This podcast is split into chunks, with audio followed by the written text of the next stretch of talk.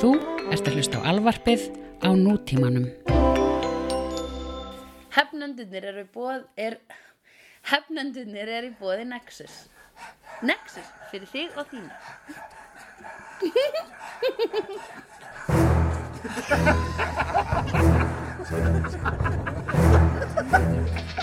Vildur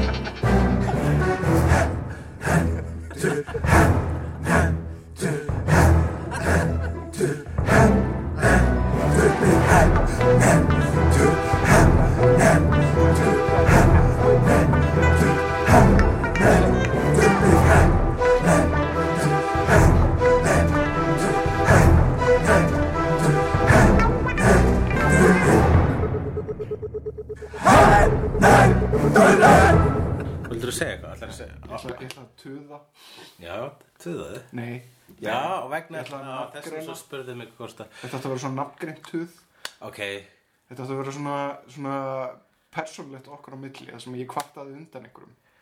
Já, ég heldur vitið hvað ætlar að kvarta og í hvaða samingi. Nei, ekki gera það. Þú ætlar að kvarta yfir þegar að lobbiti bobbiti þar er alltaf gobbiti gobbata fyrir okkur og hann er alltaf rabbata babbata yfir því. Já, ok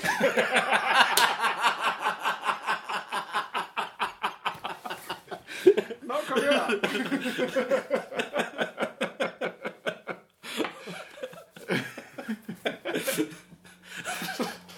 En hérna Herðu, við erum í svolítið skrítinni stöðu okkar núna Já, sko, já ok, segðu hvað er skrítið og ég skal eins og mér einum lagið einhvern veginn við fengja það. Málið er að hérna, við erum, ég er ekki með neitt hvað er að gerast vegna þess að uh, ég er í internetbanni.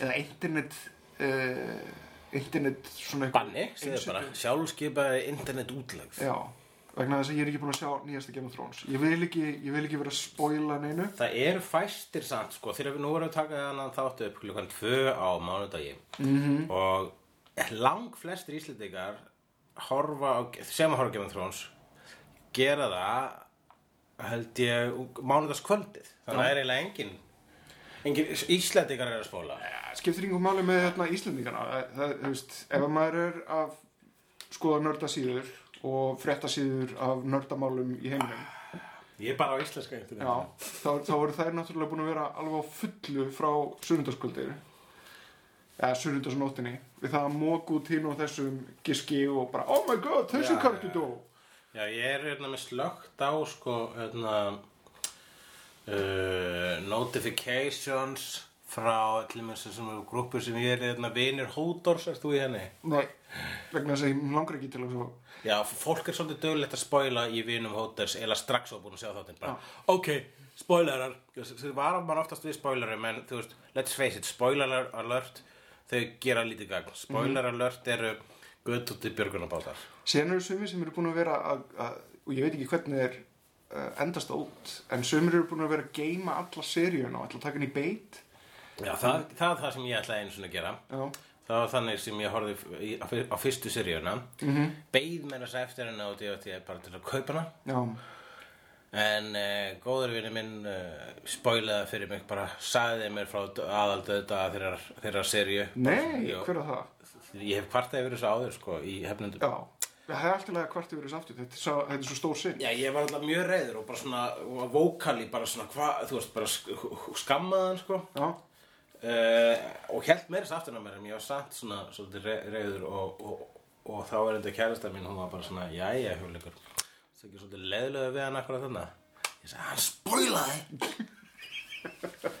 spoilaði Game of Thrones. Var það nokkuð og ég? þetta var áður en að spoila Game of Thrones var, þú veist, það þing sem það er í dag sko, það er búið, búið til, þú veist, sketsa um að spoila Game of Thrones Hefur Þetta var séð? ekki ég það nokkuð. Það varst þú. Og þess vegna er það svo ógeðslega leðalög við þig í sjö ár. Nei, það var ekki ég. Nei, ég hef ekki spólað þeim til þetta Nei, nei, nei, það varst ekki þú sem spoilaði Þú spoilaði fyrir mig Red Wedding hins vegar. Já, Já, ég sagði bara orðin Red Wedding. Já, ertu að tala um Red Wedding? Ég bara, ok, ég veit nákvæmlega hvað það er. Það er nákvæmlega eins og það ljómar Ég, ég veit en þú veist ég, Sko ok, það er bara eina orðið, eina leiði til þess að lýsa því. Já, ekki lýsa því. Já, ég, ég var ekki svona að lýsa því, ég var bara svona Hey, að lýsa í það sem var að að tala um drengur. Það er rétt, það er rétt. Það er rétt. Ég veit allan að ég hefði verið fúll út í mig ef ég hefði, sa- ef, ef ég hefði sagt reddvettingu sjálf mig úr framtíðinni. Uh, og uh, það er til dæmis ein mynd sem ég langar að sjá núna það er allir búin að segja mér að þessi twist í henni. Og núna er ég bara svona, ok, það veit ég hvað twist það veit ég að það er twist. Og núna byrja að hugsa um all Splitt ég að, að viljandi sagði ekki M. Night Shyamalan er twist true, true brush nema það, hann er búin að forðast twist upp á síðkastið. Really? já. Sí, myndir, síðustu myndir hans á undan um, undan splitt voru twistlausar Ok. Og uh, þannig að maður hugsa að hann, hann núna eins og til dæmis einhvern tímann uh, hann gerði eina mynd svona eitthvað draugamynd rétt á hann að gera splitt sem hann fekk ágæða dóma og, og eitthvað sagði tvistið við nýju M. Night Shyamalan myndina er að hún er actually svolítið góð Já, ertu ekki búin að sjá Split sem sagt? nei, ég er ekki með að sjá splitt Já, ok Nei, en það er búið að það eru, ég er búin að heyra glefsur og sjá fyrirsagnir út um allt og Þú, bara sko, þú getur alveg notið hennar án þess að, þú veist, hugsa eitthvað um twistið, ég menna, þú veist, þetta er en það Það eru er öðru ekkur jarðabúið núna bara, akkur þurftir að segja mér að twist í splitt honestly, það er ekkert twist, þetta er bara frekar fyrir sjáanett Já, en twist og twist í split Já, það hljómar svo ómögulegt dansmúf Eh, þú fer í split og twistar, jú það er hægt en samt þú veist, þú er bara að twista með efri bókunum já. Með, með búknum sem sé En sögum þessa, þá, þá er ekkert hvað er að gerast. Það er bara, Já, en ég ætla að segja sko að benda þér á að það er náttúrulega óvinnulegt nú, Við erum mjög oft ekki með hvað er að já, það er gerast sagt hjá þér. Við erum orðinir uh, Latari. Latari, já við erum ekki orðið jafn svona uh, hlekkjaðir við dagskráliði Já, herri, það er eindir eitt Við, við fengum hérna post frá lesanda. Já, hlustanda. Nei, lesum þú uh, Skilabóð frá plánutinu jörð. Herðu, við þurfum að gera nýtt hérna uh, Þurfum að gera nýtt jingle fyrir það vegna þess að hétt spurningar frá plánutinu jörð. Já, En það er ekkert endilega spurningar, stundum er það bara skilabóð skilabóð Það er nefnt að segja það eins og þú sagðir í gamla hérna, Skilabóð frá plánetunni jörð. Já, sure. Svo varst það meira sko svona Skilabóð frá plánutinu jörð. Og talaði eins og Burns þegar maður gemur vera Já, það var, ekki, það var ekki ég að tala. Ég gerði svona voice modulator á það. Nei, það var ég sem gerði þú það. Já. Nei, Jú, það já, og þú sagðir það með svona rödd. Ég gerði það jingle, þess að ég man að ég setti inn einhverja svona geimveru rödd úr geimveru hljóð úr Star Wars Ok, okay, Attack of the Clones. Bíti, bíti, bíti, bíti Skilaboð frá plánutunni jörð. Allt í lagi að segja það sko langt frá vegna þess að ég held að þetta hefur of hátt og verið of miklu skruðningar. Skilaboð frá plánutunni jörð. Skilaboð frá plánutunni jörð.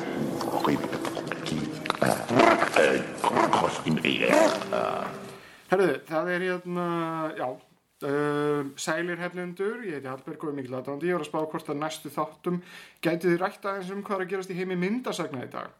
Til dæmis var DC að slá í gegn með Rebirth-línu og á meðan er Marvel að skýta á sig með Civil War 2 sem fekk skjálfilega dóma og fólk er ekki sátt með B&B, Brian Michael Bendis.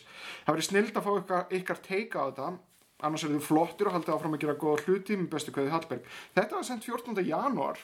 Já, einmitt, ég man eftir og Við tókum þetta fyrir held ég. Já, við, glem, við, við lásum þetta og bara, já, við erum mun að svara þessu svo svarið þessu aldrei Síðan núna á sunnudaginn þá kom sælir hefnendur. Já, Hvenar, já, þetta er svona Eminem Stegmagnast hvenar ætlaði að byrja að tala um myndasögur? og næsta, næsta breyf var upptaka á honum í bílnum með kæra til að læsta í skotti. Sælir hefnendur! Uh, ég sendi post fyrir nokkru mánuðum um þetta og núna eru tveir evendar í viðbót sem ættir að tala um. Secret Empire hjá Marvel og The Button í DC ég væri líka til að hitt ykkur og spjallum þetta, held að það væri gaman en enn og aftur haldið áfram að gera góða hluti. Þegar hann segir PS, PS, we should be together too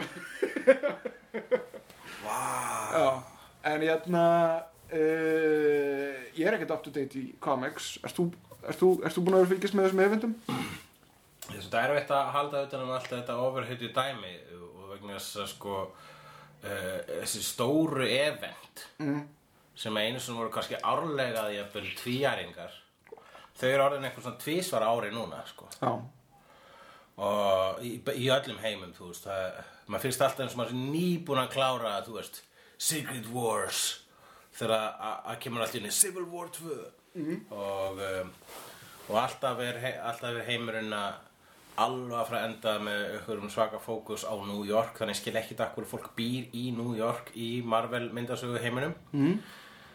en uh, ég byrjaði með því að samla því, ég byrjaði að lesa Civil War 2 og, uh, og hún bara einfallega náði mér ekki það, ég, ég byrjaði svona þrísar á því og það bara það bara náði mér ekki og það- ég held að það sé bara eitthvað inherently inherently inherently mm.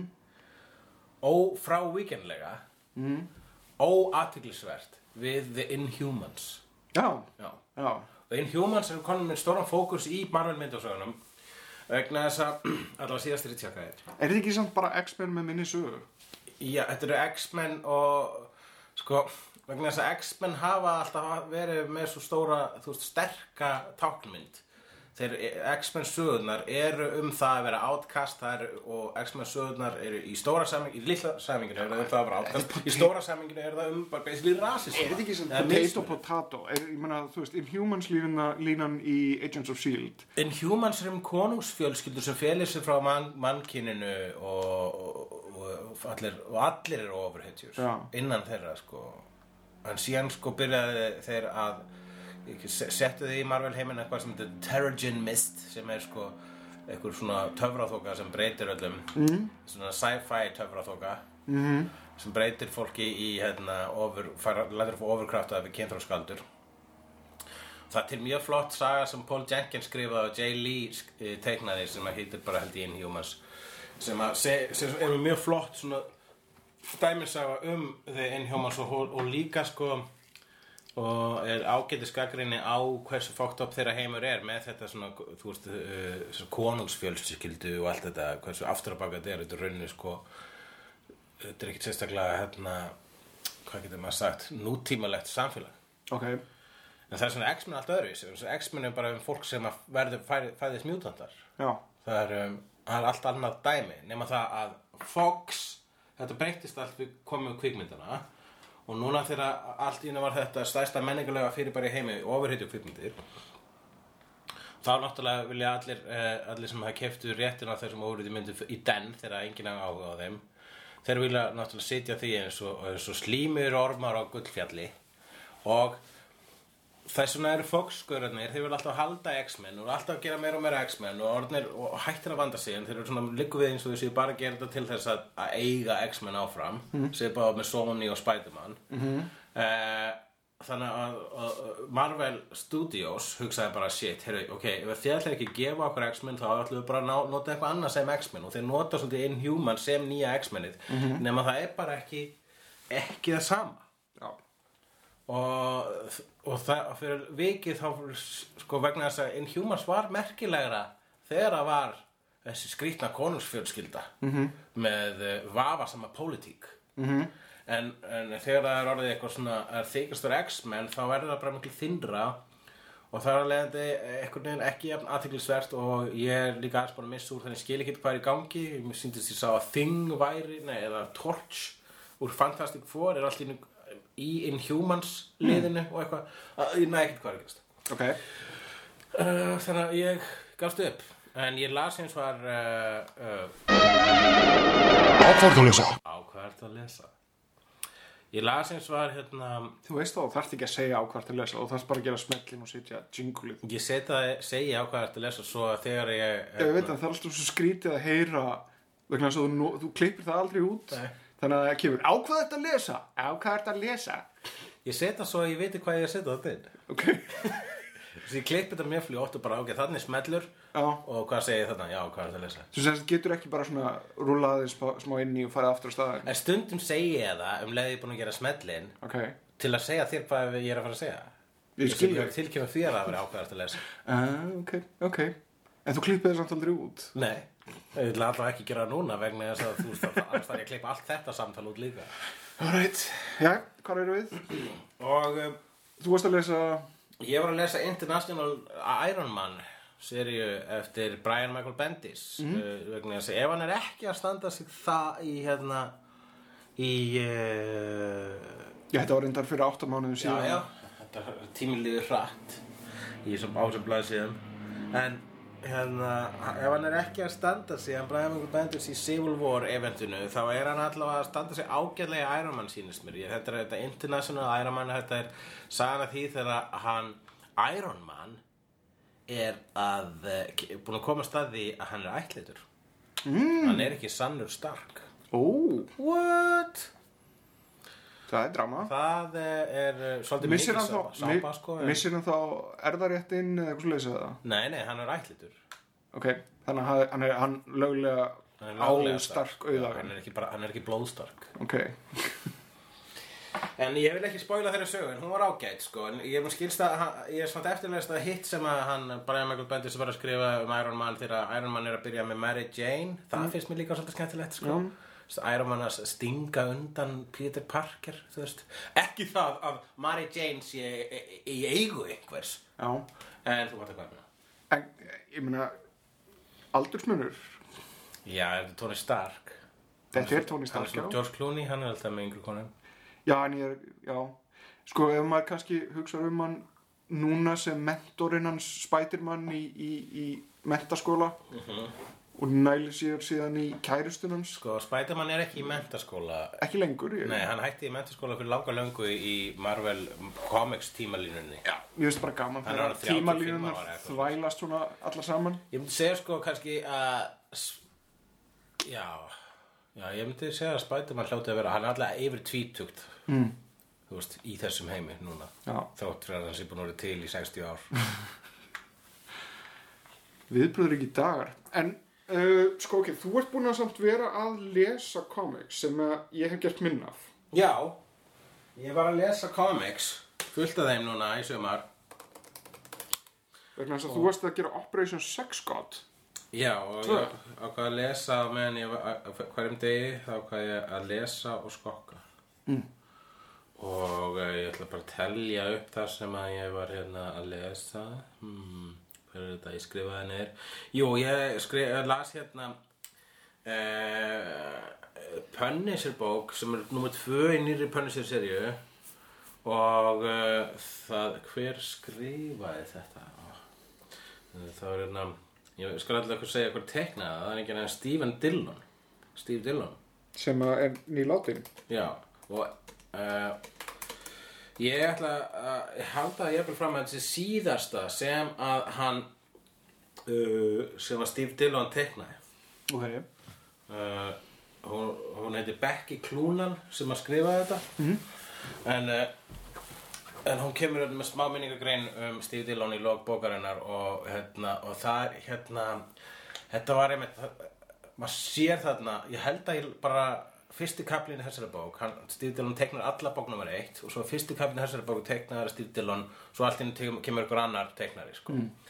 og það er meira svo sko að, húst, hans fráfall var skyndilegt þannig að þetta er sko þau bara hafa ráðið ykkur teiknari í skyndi svo er ekki, húst, það var svona uh, mann var bara sko leild að missa svona frábæra teiknara en maður saknaði sérstaklega þegar svona tók annar miklu lélegri teiknari við. Svona, ah, ái. Uh, erfitt að lesa. Mhm. svo erfitt að lesa illa teiknaða myndasögu. Það ef að sko hérna, myndasaga er mjög vel skrifuð en ógeðslega illa teiknuð þá finnst mér erfiðar að lesa hana heldur en að mjög vel teiknaða illa skrifaða sögu. Ok. Það er bara eitthvað við það sko. Ég var mann það var hérna Spawn saga Spawn svona uh, spin-off saga sem heitir Blood Feud sem Alan Moore skrifaði -hmm. Mhm. og ég byrjaði á henni og ég gat það ekki hann var svo umölu teiknari ég þurfti að sleppa að lesa Alan Moore vegna þess að teiknarinn eiglaði það huh.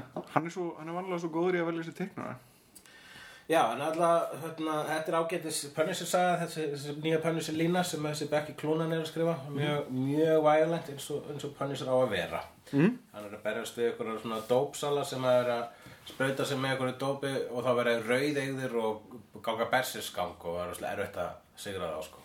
Ok. Og svo var ég að lesa Headlopper sem er sem er svona Conan the Barbarian með sítt uh, hvitt skegg Hljómar, hljómar svolítið svona jóki. Ég, það er ekki djóki, þetta minnir mig eitthvað á bara Mike Mignola svolítið sko. Stílinn er minnir mann svolítið á Mike Mignola sem að maður segir vist Mignola en Mignola sem að teiknaði og skrifaði Hellboy. Og þetta er bara pjúra fantasíu skrýmsla slátrun. Ok, Ógislega skemmtilegt og er sko ekki, ekki grína sjálf og sjálf þó það hafi vissulega smá húma fyrir sjálf og sjálf. ja. ok, headlopper. Bitch Planet bók nr. 2 mm. Það er, ég mælti einhvern veginn með bók nr. 1 og bók nr. 2 þá gefa þær í, sko bók nr. 1 var bara svo fyrsti þátturinn, það var bara byrjunin en núna er eitthvað að gerast Ok, og uh, það er, já, Bitch Planet er sem sé, hvað þetta kalla um, uh, hvað sagði ég einhvern veginn? Ég sagði að það væri Handmaid's Tale meets Rollerball eitthvað. Þú sagðir allan ekki Handmaid's Tale vegna þess að þú veist ekki búin að sjá seríun og ekki lesa bókina. Ég, sagði Handmaid's Tale. Nei, það getur ekki Jú, ég við. sagði það. Lastu Vegna þess að bókina? Ég, ég veit hvað Hand- Handmaid's Tale, að veit allir hvað það er. Ok. Þú veist, þú veist, Ég vissi alveg hvað Handmaid's Tale var áður en ég hafi nokkuð um að lesa bókina eða Þetta er svona eins og fólk veit hvað Star Wars er. Já, er ekki þarna í gemnum og svona tjú, tjú, Ok, ok, Þú veist, Handmaid's Tale er ekki svona Já, er ekki svona hlýðstæða veröld og konur hafa Hvað, hversu hlýðstæði það. En um, Já, Handmaid's Tale meets meets Orange is the New, new Black meets Rollerball. Er there, we go, þarna kom það. Já, það er ekki fangelsi líka sko. Já, Nú, ok. Og svo las ég Doctor Strange nýja, ný, með nýlegri seríum hérna sem að uh, Jason Aaron er að skrifa sem ég hafði mjög gaman af í, í, þegar hann var að skrifa uh, uh, hann var að skrifa titilin Wolverine and the X-Men sem að svo, svo, svo reyndi ég að halda áfram að lesa Wolverine and the X-Men þegar einhver annar tók við af Jason Aaron. Fuss og fuss og svei. Hvílíkt drasl. En sem betur fyrir hoppaði Jason Aaron yfir á Doctor Strange og fekk ekki síðri teiknara en Chris Bacallo með sér lið. Chris Bacallo var enda líka í uh, uh, teiknaði aðeins Wolverine and the X-Men en Chris Bacallo er uppáhalds teiknumrind og ég dekki hvernig maður ber fram eftir nafnið hvort þessi Bacallo, uh, Bacallo, uh, Bacallo eða Bacallo En uh, ég mæli eindreið með því það er eitt að það er bara það eru listaverk sko. það, það, ég geti, le, ég geti lesið myndasögur sem að Bacallo, Bacallo, Bacallo, Bacallo mm. um, bakaló, bakaló, bakaló. teiknar jafnvel þetta að vera skrifuð af, af bara, þú veist, óvita. Mm -hmm. Trump kjósanda Nú, uh, og svo las ég bók sem heitir A New Law sem er bara brandarasafn, nýtt brandarasafn eftir uh, uh, hann Johnny Ryan sem er dónalegasti teiknarinn hann út af úti. Hann er, hann er með svona svartur húmor og, og dónaskap. Og alltaf með svona kúkabrandara og, og, hérna, og fara yfir strikið og svona. -hmm. hann er rosalega góður hann er sá allra myrkasti þarna úti og hann teiknaði myndasögu fyrir Vice Magazine og A New Law er samansafn eh, svona myndasögu brandara sem hann gerði fyrir Vice Magazine. Nú, og svo la- endurlas ég tvær bækur Vinama Rama og Kill Your Boyfriend eða svo krónológist ætti að vera Kill Your Boyfriend og Vinama Rama mm. sem eru eftir hann Grant Morrison og teiknaðar báðar af Philip Bond það er þetta að fá þar þessar bækur núna saman í einu hardcover sem er eigulegu greipur Skemmtileg tilvíðin, ég var að lesa þarna uh, ég var að lesa nýju Scrooge McDuck bókina.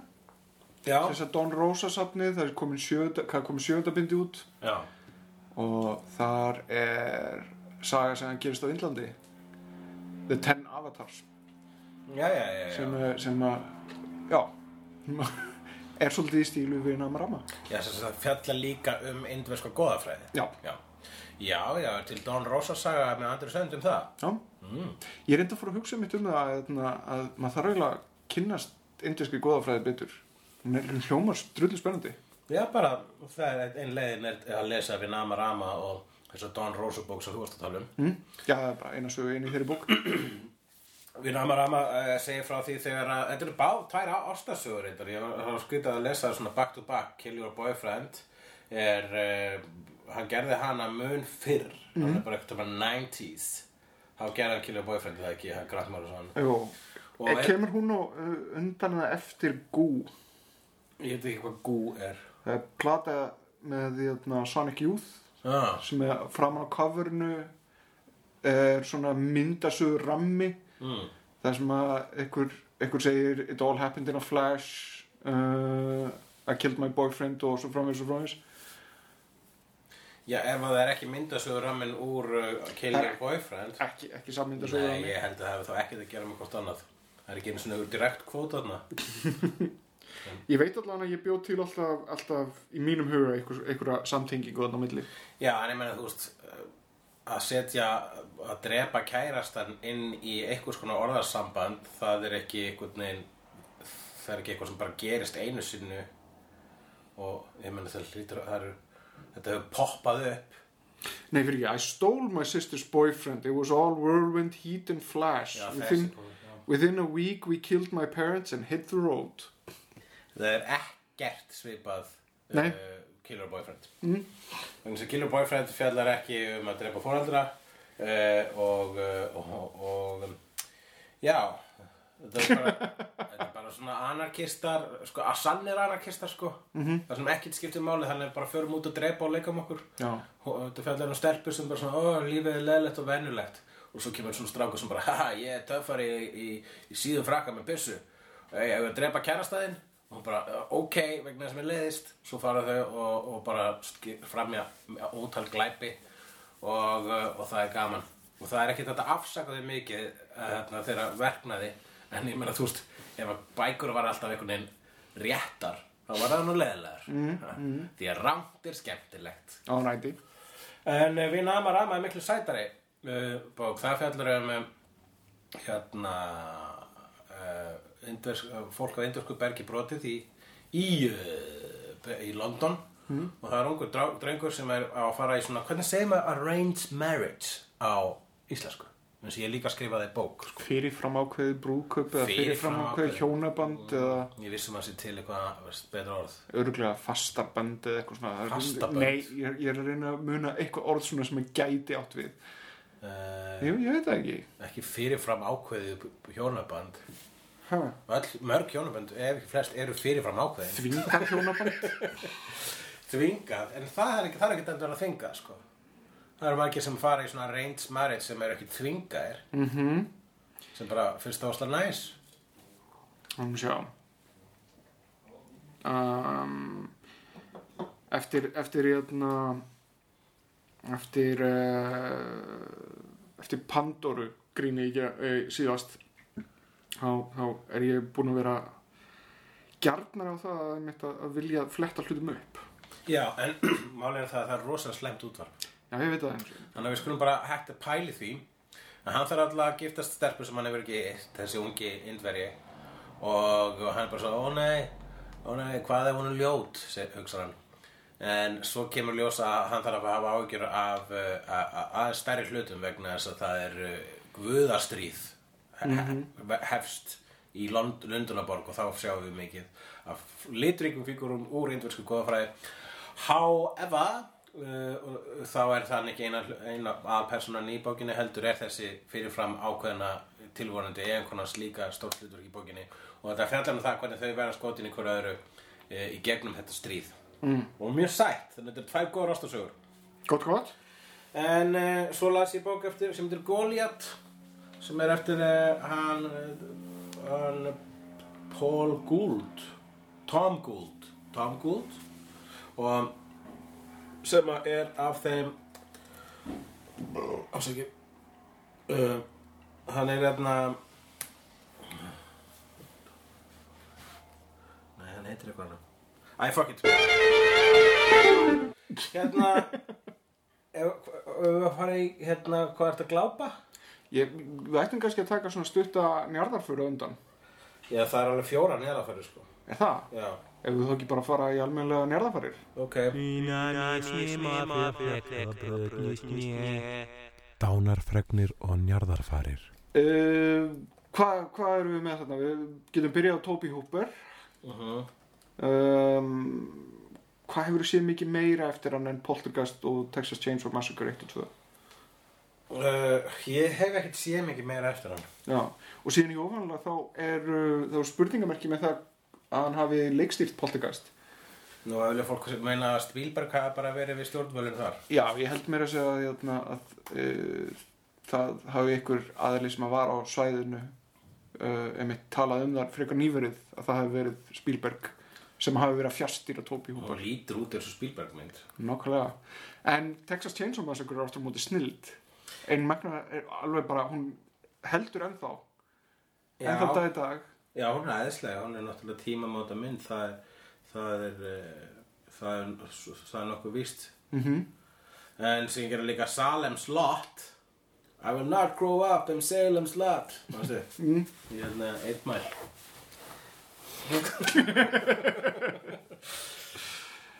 ok, Já, ég man, ég, sko málið er að Salem Slot, það er eina af þessum mynd, sjónvarsmyndum, eða ekki? mm. Hún svona bara einhvern veginn kom og fór í mínum huga.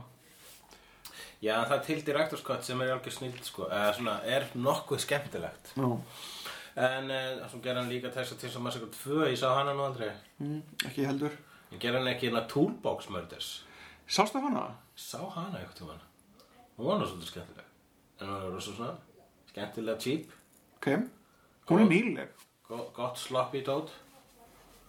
Það er ég að ruggla, hann til. Nei, nei, nei, nei, hann gerði hérna, hann gerði myndbandi við Dancing with Myself með Billy Idol. Nú, já, já. Ah. Uh, body bags, hann gerði ekki Toolbox Murders. Jú, hann gerði Toolbox Murders 2004, ok, hann gerði ekki gömlu. Ok, það er til eldri mynd, Toolbox Murders. Allavega, uh, hver er dó líka? George Romero. George Romero, hann dó. Já. Hann er maðurinn sem að skapaði zombíun eins og við þekkjum hann í dag. Áður en að... Áður en að... Áður en að hann gerir zombíumyndina Nightmare Before Christmas, djók, nei, hún heitir Night of the Living Dead. Mm -hmm. ha, þá, hérna voru zombíur, það var zombíur, uh, mítan var uh, bundin við orginal, hérna, Heidi. Haiti, Vestur-India, nei, það var Vestur-India. Já, það ekki. Ég veit það ekki, ég er ekki með landi. Alla, Hæ- Haiti og allt það, gamle þá mýtu, það sko, þá voru zombjur vaktar upp með uh, vúdugöldrum -hmm. og þjónuðu einu meistara, hann okkur skona nekrumanser. -hmm. En uh, þegar Romero tók þetta í sína hendur, þá var þetta mun meira svona hrára og náttúrulegra, engin galdrar. Meila minna yfir náttúrulegt, so to speak. Ég var ekki samt, þú veist, eitthvað geimveru eitthvað dæmi. Það hefur alveg verið gert en það var ekki hjá Romero. Um, hver, hver, hvers vegna lifnuðu allir við aftur í Night of the Living Dead? Var ekki eitthvað talað um það? Það var aldrei útskýrt.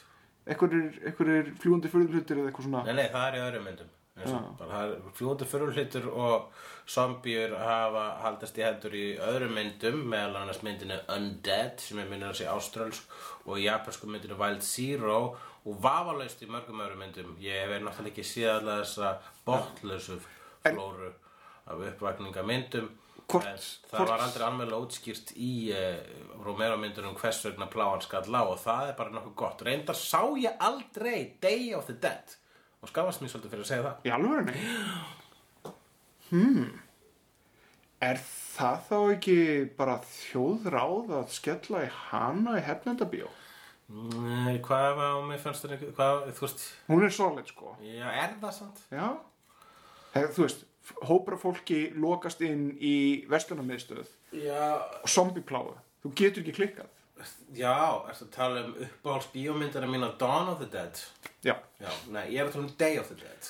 Þú ert meina Day of the Já. Dead. Sem er, sem er sem síðasta. eftir, nei, síðasta er Land of the Dead, nei, reyndar kom Diary of the Dead á eftir Damn it. henni. og hann kom með aðra enn eina sem ég man ekki hvað hétt og hann hétt eitthvað of the Dead. Ok. Uh, þannig að uh, Þannig að ég er búin að þvæla þessu öllu saman í hausnum. á mér. já, já, já, Það er, það er þegar þú skýrir þetta eftir, eftir bara svona einhverjum, einhverjum tímasetningum um daginn. já, menn, dögur og dagur það er munur þar á þetta er eins og evening og night Uh, þannig að þú myndir rugglast á evening of the dead hvort var það evening of the dead eða night of the living en ok, ég ætna um, Day of the Dead, já. Ég held að ég hafi séð hana. mm. gott ef ekki Það er í henni sem að hann hérna er uh, hann, hann, hann gauri sem tala fyrir Chucky mm. Er? Bradurif Bradurif, hann leikur eitthvað svona gaur sem að hérna, er að gera tilraunir á zombíum Býtu, við varðum að landa þetta þar sem við vorum með svona mockumentary stemningu Nei, það er dæri á þetta Það er dærið þetta Já, ég var ekki hrifin að dæri á þetta hún var ógeðslega mikið predikun. Það það er hérna þessar síðustu myndir að það voru ek- höfðu nú ekki sömu vikt. Mm. en uh, en við skulum ekki vera einbytta okkur að því, við ætlum meira að tala með það sem gerir gott kallinn. Mm Day of the Dead, já. Ég hef ekki séð Day of the Dead heldur. Nei, ok. En hann gerði allavega þær myndir Svo gerði hann náttúrulega vampyrumyndina Martin Sem var aðeinsleg mm. Og, uh, og bara er einn af helstu meisturum hryllingsmynda gerðar -hmm. hann, hann, hann breytti bransanum eins og, eins og við þekktum hann. Og uh, bara blessu sér minning elsku kallsins, hann var líka mjög flott glerugu Mjög flott gleru, risastór gleru Rísa stór glerugu Veistu hvað dó líka? Nei, Jerry Lewis Great Balls of, já, Jerry, Jerry Lewis. Já, uh, ekki pjánuleikara sem giftist litlu frængu sinni heldur eh, hérna gamli kallinn sem var dónalegur við unga manni sem tók viðtal við hann. Já, en ég er að menna hann var líka með svona skrýtna skoðanir á hérna þessu. Er þetta tala um að hann var Trump uh, kjósandi? Ég veit ekki hvert hann hafa alveg 100% trömmkjósandi en hann var, hann var grumpy old hann man leist vel á Trump sko. Já, Það það. en hérna, já Jerry Lewis eh, var mikill snillíkur í den og, og, og, Jerry, og hann var Jim Carrey síns tíma hann Mhm. var alltaf með þessar geiblur sínar mm -hmm. þekktu fyrir geiblurna sínar hann var því original nutty professor mm Mhm. -hmm. og, átti gott tví hann var gott tví ekki með honum hérna, Dean Martin úr, úr The Rat Pack Þeir voru Martin og Lewis saman sem, sem svo skemmti að trið voru með svona sjó og, og hérna og það er til mjög skemmtileg saga af því þegar, þegar Jerry Lewis er búin að starfa með Dean Martin allan að tíma það er aldrei búið að vera þetta sérstaklega ekki persónulegt þegar á milli baksviðs. Þeir fara upp á svið, gera efni sitt og bara og slá í gegn. En þeir voru ekkert svona mikið eitthvað svona að kumpanast offstage. Mm. og þannig að Jerry Lewis var alltaf feimur við Dean Martin en hans einn daginn þegar Ég, þegar hann, byggir hann upp í sig kjark til þess að tala um mannin og til að þakka honum fyrir samstarfi basically þetta var komið á svona leðarenda þarna og hann segir uh, Mr. Martin it's just uh, I gotta say we've been doing this now a hundred times on stage and I mean I learned a lot uh, uh, when working with you and I just want to say it's been an honor uh, and a privilege uh, to have having to have the chance to spend this all this time with you. Og Dean Martin segir, hann segir, ain't nothing but a paycheck for me. Já. Eh, og það, en sagan segir líka að Dean Martin hafi verið sociopat og það er til margar skemmtilegar sociopati hvar sögur af honum. Þeir hættu að vinna saman og síðan töluðust þeir ekki við í einhver tíu ára eða eitthvað uh, Hann var alltaf með eitthvað svona uh, árulegt sjó, svona telethon Já, hann Jerry Lewis já. Og það var ekki fyrir Frank Sinatra að koma á einhverjum fundi á milli þeirra að, að þeir hi- hittust aftur og spjalluðu og Já. löppuðu upp á þá litli vináttu sem þeir höfðu uh, uppáhald Dean Martin nei, hérna, uppáhald Jerry Lewis dótið mitt er samt ekki, ekki hérna, sprelligrínið í gamla daga heldur hérna, það eru tvær myndir það er fyrstulega King of Comedy Og Funny Bones. og Funny Bones Funny Bones er alveg furðulega glimd og vannmetin mynd Já, hún er líka svo, mjög skrýð, hún er dark og skrýðin. Mm. -hmm. hún er briljant, hún er algjörlega briljant Já, ég þarf að sjá, ég er búin að sjá hana tvisar, ég hef alltaf fundist hún góð, en uh, ég ég, ég þarf að fatta briljansin í henni. Mm. en ég kannski hérna, var ekki að fylgjast náðu vel með, hérna, hann er svo ósympatísku karakter í henni, hann Oliver Platt, mm. Að það er erfitt einhvern veginn svona að vera bara að, að, að sta- standa á sama. það er eiginlega engin, engin sympatískur Já, Lee Evans er mjög sympatískur. já, já, Og þó að hann sé morðingi En hann er svona þroska eftir morðingi já, er alltaf, alltaf gaman að þeim Lee Evans er frábær í uh, hérna, Mousehund Mhm. sem ég finnst vera besta gór við Binsky myndin Það þetta þykir mér að van með þetta mynd. Hún ætti að vera í hefnundum. Nei, hefnundabíó. Máshönd. Mm. En, nei, hérna, Vá, ég hef ekki séð hana síðan að hún kom út já. Hversu vanmetin er hún, segir við? Hvað, hvað, hvað, hvað ætti ég ætti ég að fara að horfa á hana aftur? Já, Hún er alveg það já, en þú veist, það horfa á hana með einhverjum, þetta er gama mynd. Já, Man á eiginlega ekkert að horfa mikið á gama myndir einn, sko. Mm. Og það sem að hlær minna ef maður er einn. Tekið satt eftir því. Það er reyndar satt Ég bara tekið eftir því, sko, ég er að horfa eitthvað fyndið með vini og hlægi og bara svona, hm, ég hefði ekki hlegið þessu einn. Talandi reyndur um, ég horfði á Nutty Professor 2 ykkur tíman og vegna þess að það var bara þannig stemning þá var ógeðslega mikið hlegið Það er bókstaflega atriði það sem að Eddie Murphy tóttar sjálfa sig þeirri mynd. Þannig það er það sem hann getur gert. Hann bara leikur svo marga að hann getur farið orgið með sjálfa sig.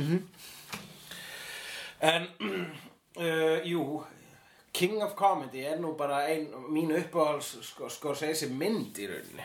Og ég sé hana ógisla oft og Jerry Lewis er frábær í henni og atriði sem við erum báðir að hugsa um núna er atriði sem þú postaðir á hernenda síðan þegar Jerry Lewis dó er hérna I hope you get cancer atriði. You should get You cancer should get ca cancer. Það er stórkoslegt atriði. Og það er algjörlega og hann sko hérna, og Jerry hvernig hann leikur það hann, hann downplayar það algjörlega sko.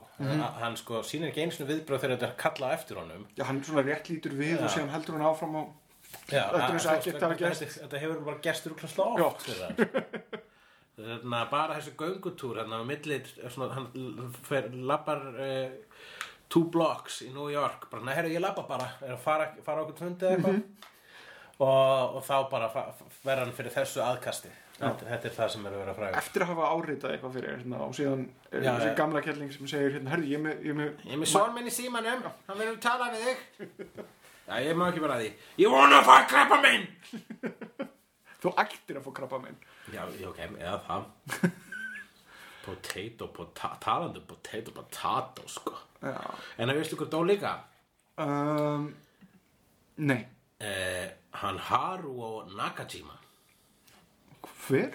Haruo Nakajima? Nei, nú kem ég að fjöllum Hver er það? Já, eða kemur það kannski úr sjónum eins og karakterinn sem að hann er frægastur fyrir að leika Er það Godzilla? Já, Já, Gaurinn sem að lék uh, Godzilla eða Godziru mm. í fyrstu Godziru myndunum hann dó æja blessu sér minningans, maðurinn sem gerði það að trafka á pappamassa blokkum að listformi. Ég glemdi reyndar að minnast eitt í til Jerry Lewis. Mm. Það er þarna The Day the Clown Died. Jú, við þurfum að tala um það. Clown Cried, er það ekki? Clown cried eða died. Died, eitthvað svo leys Mhm. Sem er óutgefna myndin af Jerry Lewis sem er líklegast til mest tóndef hugmynd og bíómynd Já, sem hægt er að ímynda sér Þetta er eh, en einmitt þarna næstu míþólógisk uh, ára ef þeirra mynd vegna þess að ég mann þegar ég heyrði manna fyrst svo, og svo bara heyrði ég aldrei aftur um hana og ég bara þetta getur ekki að hafa gerst. Hef var þessi mynd eitthvað svona gerð og jú, hún var gerð en hún var, hún var aldrei sínd og hefur enginn séð hana. Þú vilt kannski útskýra hvað mynd þetta er og hvernig hún er. The Day the Clown Died eða Cried Já, er eh, mynd sem að hann sem Passion Project eða Jerry Lewis það sem að segja frá trúði sem að er settur í útrýmingabúðir nasista og fær það verkefni að lokka börn inn í gasklefana svona eins og Júdasargeit þessi Júdasar Það er hugtak sem sagt að, að þegar þú ert að fara með sem sagt geiturnar í sláturhúsið uh að þá ertu með eina sem er vöndi að fara í sláturhúsið og er alltaf róleg.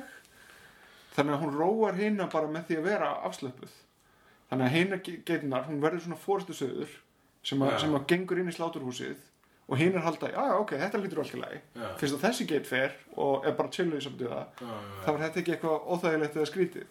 Akkurat Já, Júdasar Gate Fuck That's some heavy shit man en eh, hann sem sagt Já. hans hlutverk er að, að róa Já, hann er bara svona, halló krakka, lalala, Já, já. komið þessa leið svo fara með gasklefuna og þetta er, þetta átti að vera, ég veit ekki, þú veist, hann, þetta átti að vera náttúrulega alvarleg mynd, þetta var svona eins og Passion Project hans, uh, þarna, hans Peter Sellers var uh, I'm Not There? Being There. Being There I'm not there held ég með Er það ekki myndir með Joaquin Phoenix Þegar hann er rappari jú. Jú, Það var alltaf Passion. Project að. I'm still here Já. Það er myndin með Joaquin Phoenix nei. I'm not there er myndin þar sem það Bob margir Dylan. að leika Bob Dylan og Being There er þegar að um, Peter Sellers er einhverjum maður sem að óvart verður fósitt í bandaríkina. Spoiler alert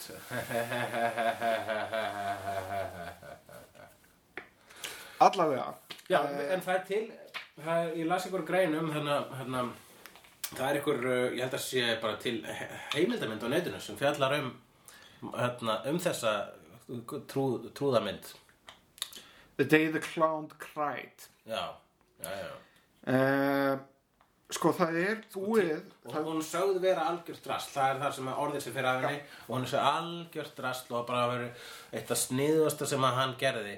Það er sko, þetta er svona í næstu jafn sniðust og þegar Keanu Reeves sagði nei við Speed 2 þá hérna að hann, hann, hann að klifti myndina, hún er tilbúin einhvers staðar en hann bara tók hana, allan hann pening sem hann setti í hana og setti þetta síðan bara í einhverja hyslu heima hjá sér Já. og síðan hefur hann ekki sýnt neinum en málið er að það hefur fólk verið áhugaðsamt um að sjá hana og ég man eftir að hafa á netinu einhverja síðu þar sem að þau voru búin að ná hinum af þessum klippum já, sem að ég veit ekki hvernig þeir koma höndunum yfir já, af klippum eða dóti sem hefur verið sínt í hluta kynningardæmi og náða að púsla saman stórum hluta myndarinnar. Nú. Þannig að þú veist það er, það er aðgengilegur hluti myndarinnar örugglega svona 20-30 mínútur eða eitthvað já, um, en þetta er ég- var ekki hérna Life is Beautiful basically sama mynd? Life is Beautiful var ekki nei. Það var ekki sama já ég veit að veist, var, þetta var svona silent comedy í útrýmingabúð já, nema að Já, þú veist þá er hann allan tíman að fela, þú veist, að bjarga krakkanum sínum, ekki að leiða hann er ekki að fara með hóp af krökkum í Já. gaskleifa, mm -hmm. að personunni í Life is Beautiful er svona hei, við erum bara að leika okkur, þingastun er ekkert stríð eða þú veist, í alveg er ekkert stríð Já, það, sko, ég held samt að þetta hafi ekki bara fjallað um þetta, hann, hann leið svona sárar kvalir og annars líkt yfir því að gera þetta. Ég held að hafi, mér minnir að ég hafi lesið plottið einhvern tímann og það fjallaði um það að þetta var, þetta var næmara og skrýtnara heldur en svo að hann hafi bara einfallega gert þetta. Þetta Nei, já, hann ég fór með þeim inn í klefan eða eitthvað svo Já, já, ok En hann, hann var bara að róa þau og láta þau sagt mæta döða sínum sem að Já, þau já. gátt ekki sloppið Eh, með meiri gleði. Já, ég veit, ég veit, ég veit það, ég átti að maður að því líka að það hluti að vera einhverju svolítið snúansar í því, ég heit að það var ekki að hann var í vondur. Já, það var nasista trúðurinn En það hún The Day the Clown Cried. Tra- The Day the Clown Tried. At least I tried. En já, En já, hann, en ég held að hann alltaf, ég held að hann vildi segja eitthvað með þessari mynd. Já. Ég held að hann vildi segja eitthvað svona bara, að þetta er myndin sem að, svona, þetta er mitt, þetta er það verk sem ég skilja eftir á þessari plánutu, eitthvað verk sem segir eitthvað. Sem er eitthvað merkingu. Svo gerði hann þetta, og svo klippti hann þetta, og svo skoði hann þetta og svo er bara, já, að, ég ætla aldrei að sína neinum þetta, því þetta er ekki að segja það sem ég held að átt að segja, ég kann ekki gera myndir, bye. Ég ætla að vera reyður það sem eftir er. Sérstaklega í viðtölum. Þetta var skemmtilegt viðtalsamt. Já, já, það var hérna Þetta var einmitt, þetta var svona viðtal við gamla mann sem bara svona nefnt ekki lengur þessi kjaftaði En það, en, en þú veist, ef maður er svona í skapinu þegar maður er gamall Já. Maður verður að passa sig á því. Er það ekki samt þannig að þegar þú ert komin á ákveðin aldur og þú ert ekki að sækjast eftir neinu? Þú hefur allt sem þú þarft, þú ert búin að gera allt sem þú Þá vildi ættir þú kannski að segja nei þegar fólk vil taka viðtal við þig. Já, Í stað þess að bara, hvað er þetta ég reyna? Er þetta búið? eða, eða þú veist að þetta sé forvitnileg svona breyta í deginum þínum. Að þú farið að upplifa eitthvað svona áhugavert og bara, já, já skiptið það máli þótt að hann hafi verið dónalegur og skiptir full í skapinu? skiptir ekki máli fyrir mig? Ég hugsa bara ekki myndi ég vilja vera svona þegar ég er gamall. Já, en það er bara að segja, þú veist, maður, myndi þú vera svona, vilja vera svona fílukall? Maður er heitt kannski. Sko, ég heldur að myndi maður, maður er kent að maður á að bera virðingu fyrir þeir sem eru eldri en maður sjálfur. Mhm.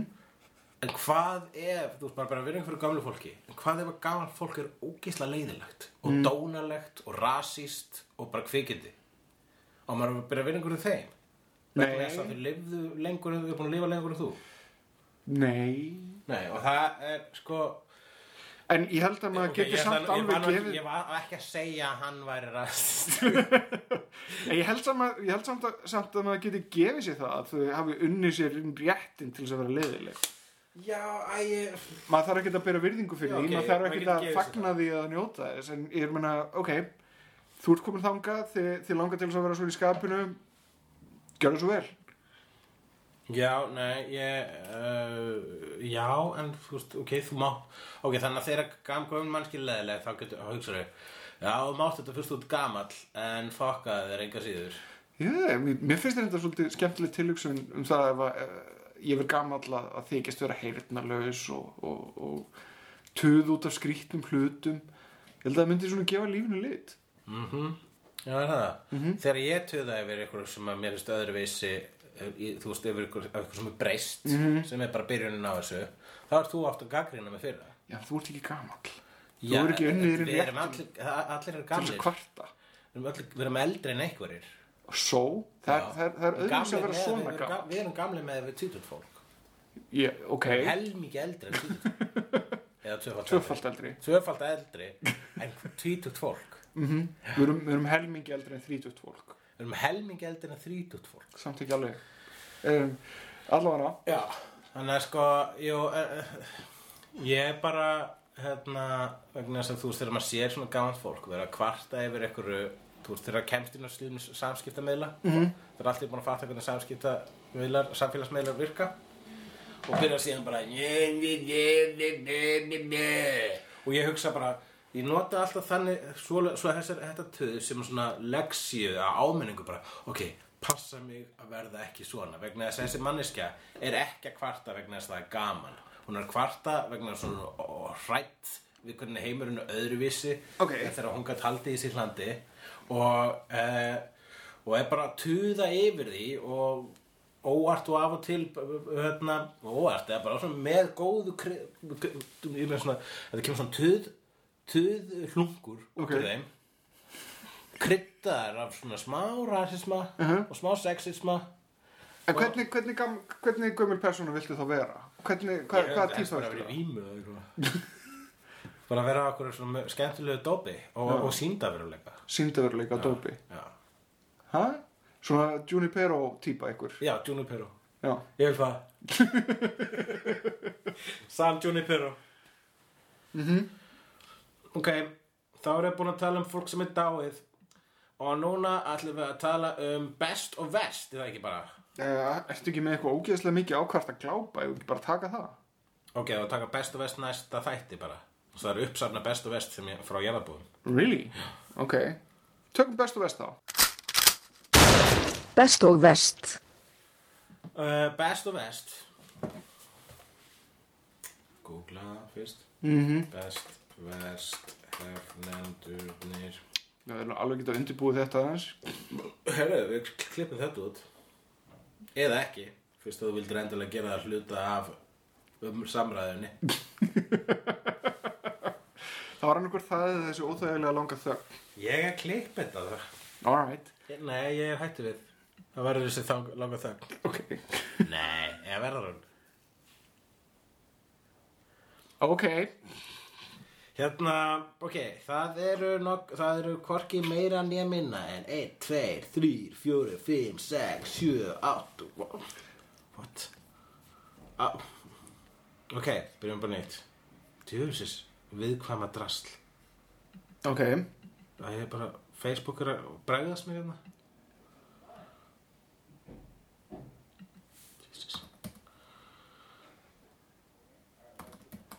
Er eitthvað meira frústirandi þess að tölfur er að bregðast manni? Já, langar þagnir í podcastum. Ég er að fara að klippa þetta út Þú ert aldrei eftir að klippa þetta út. veist Ég mun klippa þetta allt út Ok. Jæja. Ok, það eru hvorki meira en minna en 1, 2, 3, 4, 5, 6, 7, 8, 9 9 jarðabúar sem að svöruðu kalli okkar eftir best og verst spurningum sem að við skelltum á netið í 19. júni og síðan gleymdu við því. Nei, við ákvæðum þá bara svona Já, að fara Já, frí. og það fyrir bara frí og svo bara svona Já, heyrðu, það er með, með best og verst spurningar en við skulum bara svara þeim. Ok, það er kannski tími kom, komin til er Já, ég er tími til komin jafn vel Hann, Davíð Alexander Kornó hann spyr Já, ég held, í smástund held ég hann héti, var ég næstu búin að lesa nafni hans Davíð Alexander Kornó Best. Mm -hmm. Davíð Alexander Kornó Best spyr og verst kvikmyndir sem eru á hann spyr best og verst kvikmyndir sem eru á öllum top 20, 50, 100 listum yfir bestu kvikmynd allar tíma. Sest, mest og minnst verðskuldað af þeim bestu. Þurfum við þá ekki að komast að hvað eru 20 bestu myndir allra tíma? Já, við skulum bara fara beint á það. Uh, Internet Movie Baby Days. Mm. Uh, Best Movies Það hlýtur að vera ágætið svona staflöð 250 Ok, Það er Shawshank Redemption Já. The Godfather og The- Godfather Part 2 Þetta eru þrjár bestu myndir allra tíma. Ok. Og svo kemur The Dark Knight 12 Angry Men, Schindler's List, Pulp Fiction Return of the King Good, the Bad and the Ugly Fight Club, Fellowship of the Ring Forrest Gump, Empire Strikes Back Inception Two Towers One Flew Over the Cuckoo's Nest, Goodfellas, The Matrix, Seven Samurai, A New Hope, uh, City of God, Seven, uh, Silence of the Lambs, It's a Wonderful Life, og Life is Beautiful. Ég get strax sagt þér hvað er lélegasta myndin á þessu lista. Life is beautiful Life is Beautiful. Beautiful Og hvað er það besta myndin á þessu lista? Ég, ég reyndar að hugsa um, Sko, það eru allar Star Wars myndinar góðu eru þarna, allar Wars myndinar og allar Lord of the Rings myndinar. Má ég sjá hana lista? Bara aðeins að kíkja, bara svona fá þetta sjónrænt um, Sko, ég Ég myndi segja það samt að hérna, Ég myndi velja eina af Lord of the Rings myndunum Sem verst? Já Hvað þá? Nei, það er endar Life is Beautiful pottjætt Já, En þú fórst yfir 20 Þú fórst, málega það, mér finnst allar þrjá ég sagði þarna. 25. Já, Ég sagði mér að segja 25. það er ekki 20 Stóð ekki 20, best 20 Já, já, ok, ég Í stóð spurninguna sem við vorum spurðir Sem við erum að reyna að svara Já, ég, ég, Top ég, 20 svona almennt ég hugsaði 25 Já, ég meina, ég myndi setja, þú veist, ég veit ekki, Two Towers þarna í, í, í, í, í verst af þessum top 20. Segjum 25 Ok, þá er það alltaf It's a Wonderful. Life. Já, Nei, fyrir ég Life is Beautiful. Life is beautiful. It's a wonderful life er dásanleg Já, af þessum, tvær, myndir er næstu það eru hérna hlið, við hlið hlið. It's a wonderful life og life is beautiful. It's a wonderful life er bara mynd sem þú skellir í tækið á jólunum til að bara að jólin komi. Já, en life is beautiful er eitthvað sem þú skellir í tækið til að, til að horfa á eitthvað svona fyndið um setni hinsturönduna nei, um útrýmingar. útrýmingabúðir hey. Uh, ég, ætna, ég held að ég myndi segja að Goodfellas sé mín uppáhalds á þessum 20. já, En ég er svolítið svona, ég myndi líka alveg, alveg tegja mig í One Flew Over the Cuckoo's Nest. Uh, mín uppáhalds Já. af þessum 25 myndum Ég held samt að ég hef séð Pulp Fiction mest af þeim. Já, ég hef örgulega sér Pulp Fiction oftast Ég sá hana bara stundu svona meira en einu svona dag uh, í, í mid-90s En Þess vegna er maður svolítið þreyttur á henni. ég held sko að mín uppáhalds persónulega af þessum myndum myndi vera Seven Really? Yes Ekki slemt var. Sko, Það er allar, það er allar Close Góðar. Second eru Fight Club með þess að Fight Club og hérna uh, The Dark Knight mm. en já, sko það er, já, Dark þetta er svona erfitt að velja með með Dark Knight og Seven. En ég ætla að segja Seven vegna þess að ég maður bara þegar ég sá hana þá þá uh, blown away. þá var ég bara blóna vegi, ég er bara svona á að gera myndir Mhm, og líka svona Nine Inch Nails haust á og myndir byrjar á svona Nine Inch Nails remix og ég bara, oh my god. Ok, þá erum við búin að svara þeirri spurningu ekki satt? Já, hver er næsta spurning? næsta spurning Gunnar Ragnarsson. Best og vest, Arthouse Cinema. Kannski væri skemmtilegt að exklúta bandaríki Norður Ameríku út úr þessu. Allavega hægt að hafa til huga. Mm. Það er rosalega mikið að verst Ég, ég mál er það, ég Ég- rata ekkert mikið á arthouse myndir sem að eru, sko, ég, ég leita upp í arthouse myndir sem að hafa fengið góða dóma og Já. svona klassískar. Maður er ekkert að sækja sérstaklega mikið hitt sko Hitt gleymist strax. Ég er með svona 50-50 á milli La Grand Buffet og uh, jötna, uh, Man Bites Dog Ok, við erum þá að tala um Evróst arthouse cinema, það er alltaf óameríst. Uh, Ekkert endilega, ég meina við getum það jú, við ge skulum bara gera það til að gera þetta sérstaklega erfitt, sko.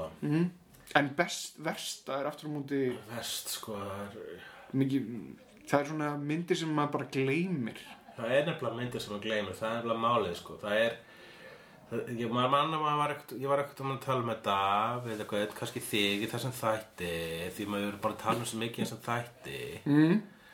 að, sko, það skemmtilega við lélega myndir er það, það er, virðist vera svo auðvitað að gera þér. Mm. Það er, þú veist, lélegar hryllismyndir, þær eru, þú veist, verða skemmtilegar. -hmm. og þú veist, svo- þessar verstu hryllismyndir þær verða bara svona eins og Troll 2 og svo leiðist það verða bara ætla skemmtilegar svo lélegar eins og Deadly Prey ógeðslega skemmtileg vegna svona svo léleg lélegar, já þannig að actionmyndir og spennumyndir svona genramyndir mm. Þegar þær verða lélegar þá verða þær alltaf entertaining. Að, en þegar þú gerir lélega artimynd, þú gerir léleg drama Þá er bara- bara leiðilegt það var bara ógíslega boring og bara svona "Ah, hvað gerður þetta? Mm. Nei, og eina dæmið sem ég get hugsað um er einn besta slæma mynd allra tíma sem er The Room sem er slæm hérna, arthouse mynd Það er rétt. Hún er ógeðslega skemmtileg og þess vegna er hún líka það kraftaverk sem hún er. Þeim tókst að gera slæma arthouse mynd skemmtilega en hún rata þá sjálfsögðu ekki á þannan bestu vestlista vegna þess að mér finnst hún hvorki best nýja vest hún er, hún er, hún er alltaf enn flokki. Ég ætla að henda endur í verstu þá ætla ég að henda eðna, annarkort Gummo Já. eða Ken Park. Ok, þannig að við erum núna að taka með bandaríkinn Já, það er satt. Fannst þið Ken Park svona slæm? Finnst það ekki góð Ertu ekki að fíla La uh, Larry Clark? Ég fíla Kids. Nei, byrju, það var Harmony Harmony Korensky. Korins sem skrifaði en Larry Clark leikstýri Þetta Nei, var hitt samstæður þeirra. Ég hef alveg með fordóma, ég sá aldrei Gummo. Og ég var með, með fordóma fyrir henni. Gummo, Ég var viss um að þetta var mynd sem að fólki fannst cool bara og var skrítin. Já, hún, hún var svolítið þannig sko. Já. Hún var eiginlega bara skrítin, ég, ég nautin er ekki. Ég er samt ekki við síðan þess að ég geti ekki sagt það en ég get hins vegar sagt það að Harmony Korine hann vann inn uh, virðingu mína með kvikmyndinni Spring Breakers sem var æðisleg ég elskar það svo mikið að ég hlakka til að horfa hann aftur. En hérna Arthouse, það er ógeðslega mikið úr að velja maður. Já, ég sko, ég er að hugsa nefnilega ég held ég þurfa að segja eitthvað íslenskt í, hérna, í verst. Ó, ok, ok. Dum, dum, dum. Lag ó Hvernig er að hjálpa mér að muna? Já, við fórum á XL mannstu í bíónu verið Hún var mjög góð, látt ekki svona Hann tór svolítið góða vinnu minn allt, allt í öllar íslenska bíómyndir eru teknilega eðna Arthouse Uh, já, en hérna Mamma, Go, Go, Börn, Náttúrnar, allur Þór, Já, Lagurinn en leggur góð sig. svona arthouse Þú veist, hvað, hvað er arthouse þarf ekki að vera meira arti? Hvað með hérna, hvað með hérna, Ó, uh, veistu hvað mér fannst slæmt arthouse? Bois-moi já, það, var, það var mjög slæmið. Já, frönsk mynd Mjög. Sem Ég að- tek undir það, hún er mjög slæm. Já, hún, hún, hún, hún var nefnilega með alvöru kynlífi Já. og er svona bara svona, nú er komið svona klámynd sem er líka samt alvöru mynd Já. Svo fór ég á hana bara svona, "Ugh, þetta er bara glatta drast Það var líka þarna á svipum tíma kom hann að Romance X. Já, það var það líka svona mynd það sem er riðið í alvöru Já, Rocco, uh, klámyndarleikari, ítalskur, var ráðinn hann í eitt hlutverk. Um, be, Bezemoi. Já, mynd. var, mér fannst þess að var gerð af úlingum Já. það var, svona, það var eitthvað svona bara svo höfðu ofbeldi og svo höfðu svona þetta var svona, það var, þetta var svolítið eins og þetta neir ekkert svar nema bara svona meira kloppalegra Mhm. Uh, þetta var svona Telma en Louise á frönsku en bara Já. ekki góð Og, já, með tveimur stelpum sem að voru að drepa kallmenn og ríða þeim Mhm. en ekki þeirra röð samt bara, þá hefðum allavega verið aðtiklisverð Já. en besta arthouse þá þá er mjög erfitt að velja líka Óendanlega Svo stór. mikið góður stöfi Ég, ég fór til dæmis núna allt í að hugsa um Lahane eða Haraldur Mott já, Haldmát er stórkurslegt æði eiginlega allur Wes Anderson. Uh já, þar, þú mætti alveg setja hann í arthouse. Já, hann er arthouse, hann er Já, total já, arthouse. það er rétt þar, ég er, með, ég er aðeins að þrengja hringin hérna sko.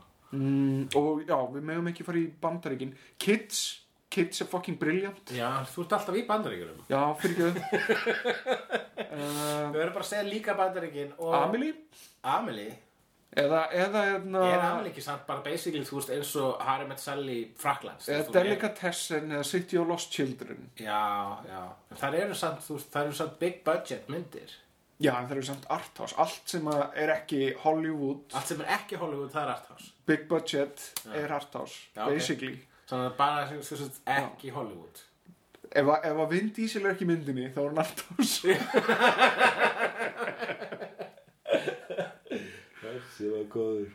Uh, Já, veistu þá bara, þú veist, ef að Magnolia vil að- allur, allur Paul Thomas Anderson er arthouse. Ég ætla bara að segja það sem er ferskast í minni og svona hreyfði við mér hvað Pulp nýlega Fiction er arthouse. Það myndi ég segja Neon Demon, sko. Hún er hress. Já, það ætla ég að segja, ég ætla að setja það í bandarækinn, þú þessi dagskulegstur mm.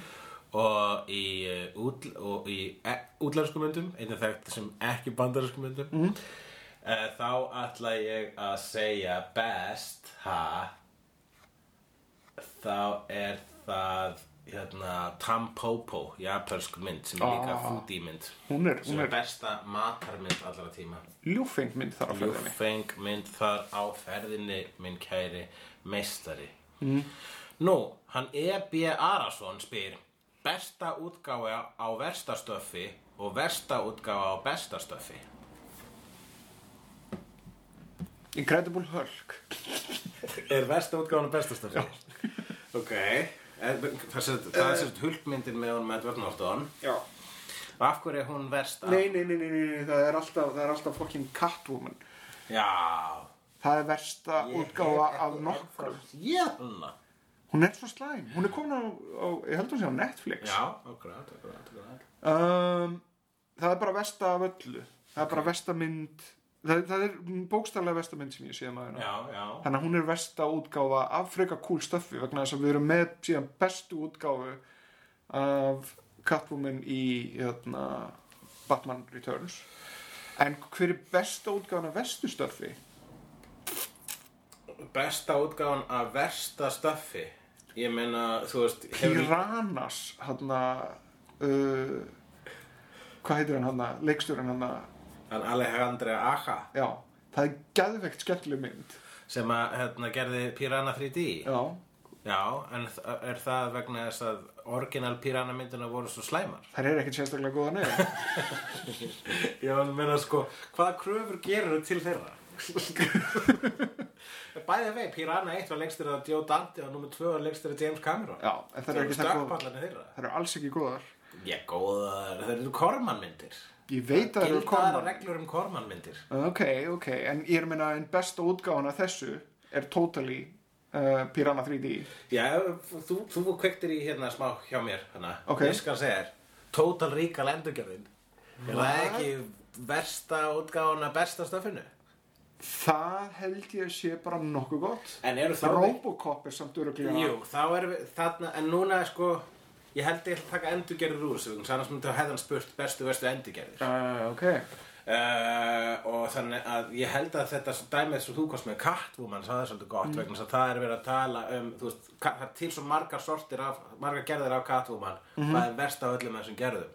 Þannig að maður taka eitthvað sem er svona mikið til af. Já. Það er að besta uh, útgá, Já, Catwoman, segðu það Finnum þá hérna Þó að ég hef ekki séð hana Finnum þá best Besta af Best, versta. besta útgáfan af Catwoman. Nei, besta útgáfan af slæmustöfi besta útgáfan af slæmustöfi eins og þessi hvað er slæmt? Hvað er virkilega slæmt? Þú, vilt, þú, þú, þú nominatar Piranha. Maður þarf eiginlega að byrja á hvar, finna hvað er virkilega slæmt stöf. Og, og hvað er mikið af, til af því. Ég meina, hvað er besta Fast and Furious myndin? ég hef ekki síðan neina Nei, en ég fór alltaf inn að hugsa um hérna svona high school myndir. Það Já, geta verið svo slæmar. já Og besta útgáðan á high school myndir Heathers. Já, Eða. En ég myndi ekki segja að high school myndir séu bara svona almennt drast Um, og telja upp góðar high school myndir nei, ég, núna er ég að reyna að hugsa hvað er lélugur sjanri. Hvað er mjög lélugur, það sem er alltaf lélegt. sem er alltaf lélegt Já. Mm, Nicolas Cage myndir. Nei, það er nefnilega Það mjög geta verið margt mjög gott. margar frábærar. Nicolas Cage, hann finnir nefnilega allan skalan og gott betur sko. Það er svo, svo maður á impressive fyrir sko. Á jafn mikið að skýta og hann á gulli sko. Besta gerðin af Jaws framhaldsmynd. Besta gerðin af Jaws framhaldsmynd Ég bara séð helmingin af Jú, ég sá þrjú Og ég sá þrjú án eh, Jaws 3D. Já, ég sá þrjú 3D án, En ekki í 3D En ég sá fullt af svona atriðum bara uh, uh, Nú er ég svona nálægt þér uh, bara, Nei, þú ert það ekki. Þetta er 2D skjár um, Sagði ég Þegar ég var nýjára og sá það á mynd Og fannst myndin actually góð Þegar hún er ekki tekið með. Uh, En það var vegna þess að ég var nýjara og vissi ekki betur.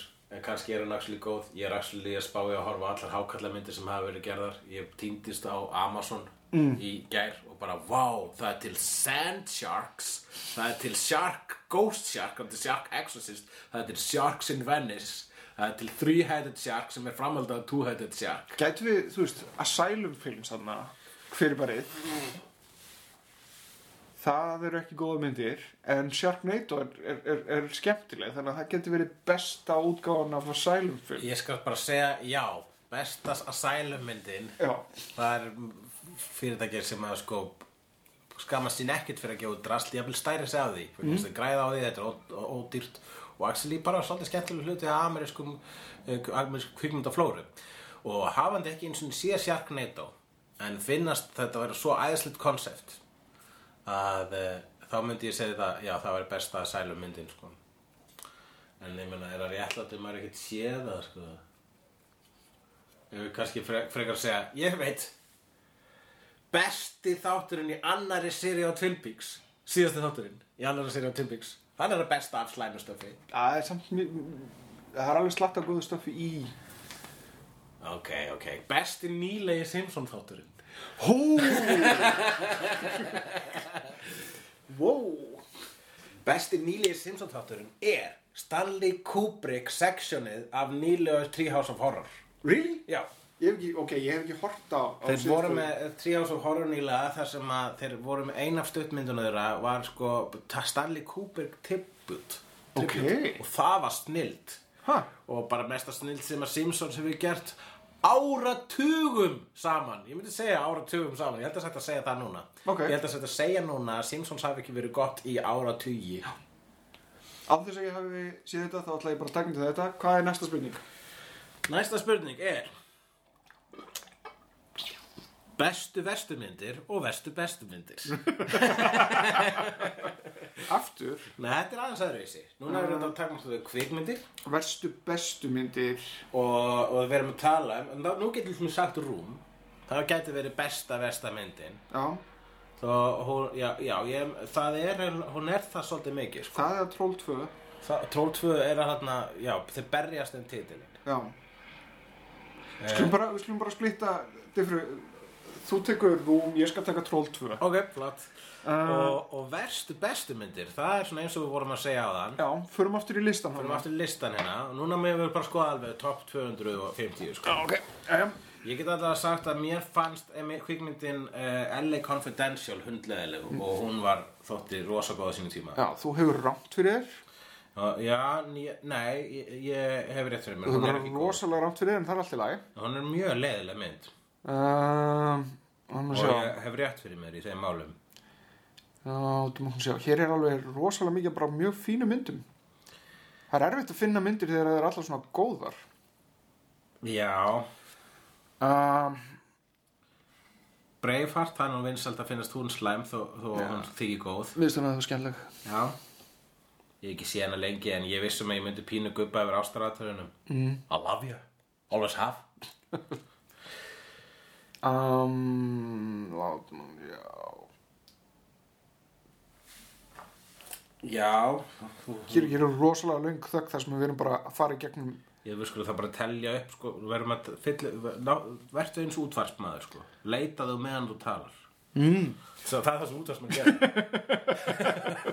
Þeir leita meðan þeir tala. Ó, ég veit ekki alveg hvernig þessi eh, setting mun enda en ég er bara ennþá að reyna að finna lægi sem á að koma næst. Og klukkan að þetta mikið og ég má ekki þagna því annars mun bergmála tómi innræðan með mér. Finnst English Patient alveg hrútleðileg mynd Já, það er Og hún þú var ert bara best- heila því að Seinfeld. Hún var, var besta Óskarinn hann Hún var hún besta Óskarinn? Ég held það já. Og besti Óskarinn fær uh, Gold, neða Secret in their Eyes hvað myndi það? ah, Hún er þetta frábær. Já, Já, ok. Svo er hérna La La Land á listanum Ég er nú með eitthvað skona skoðanir á henni.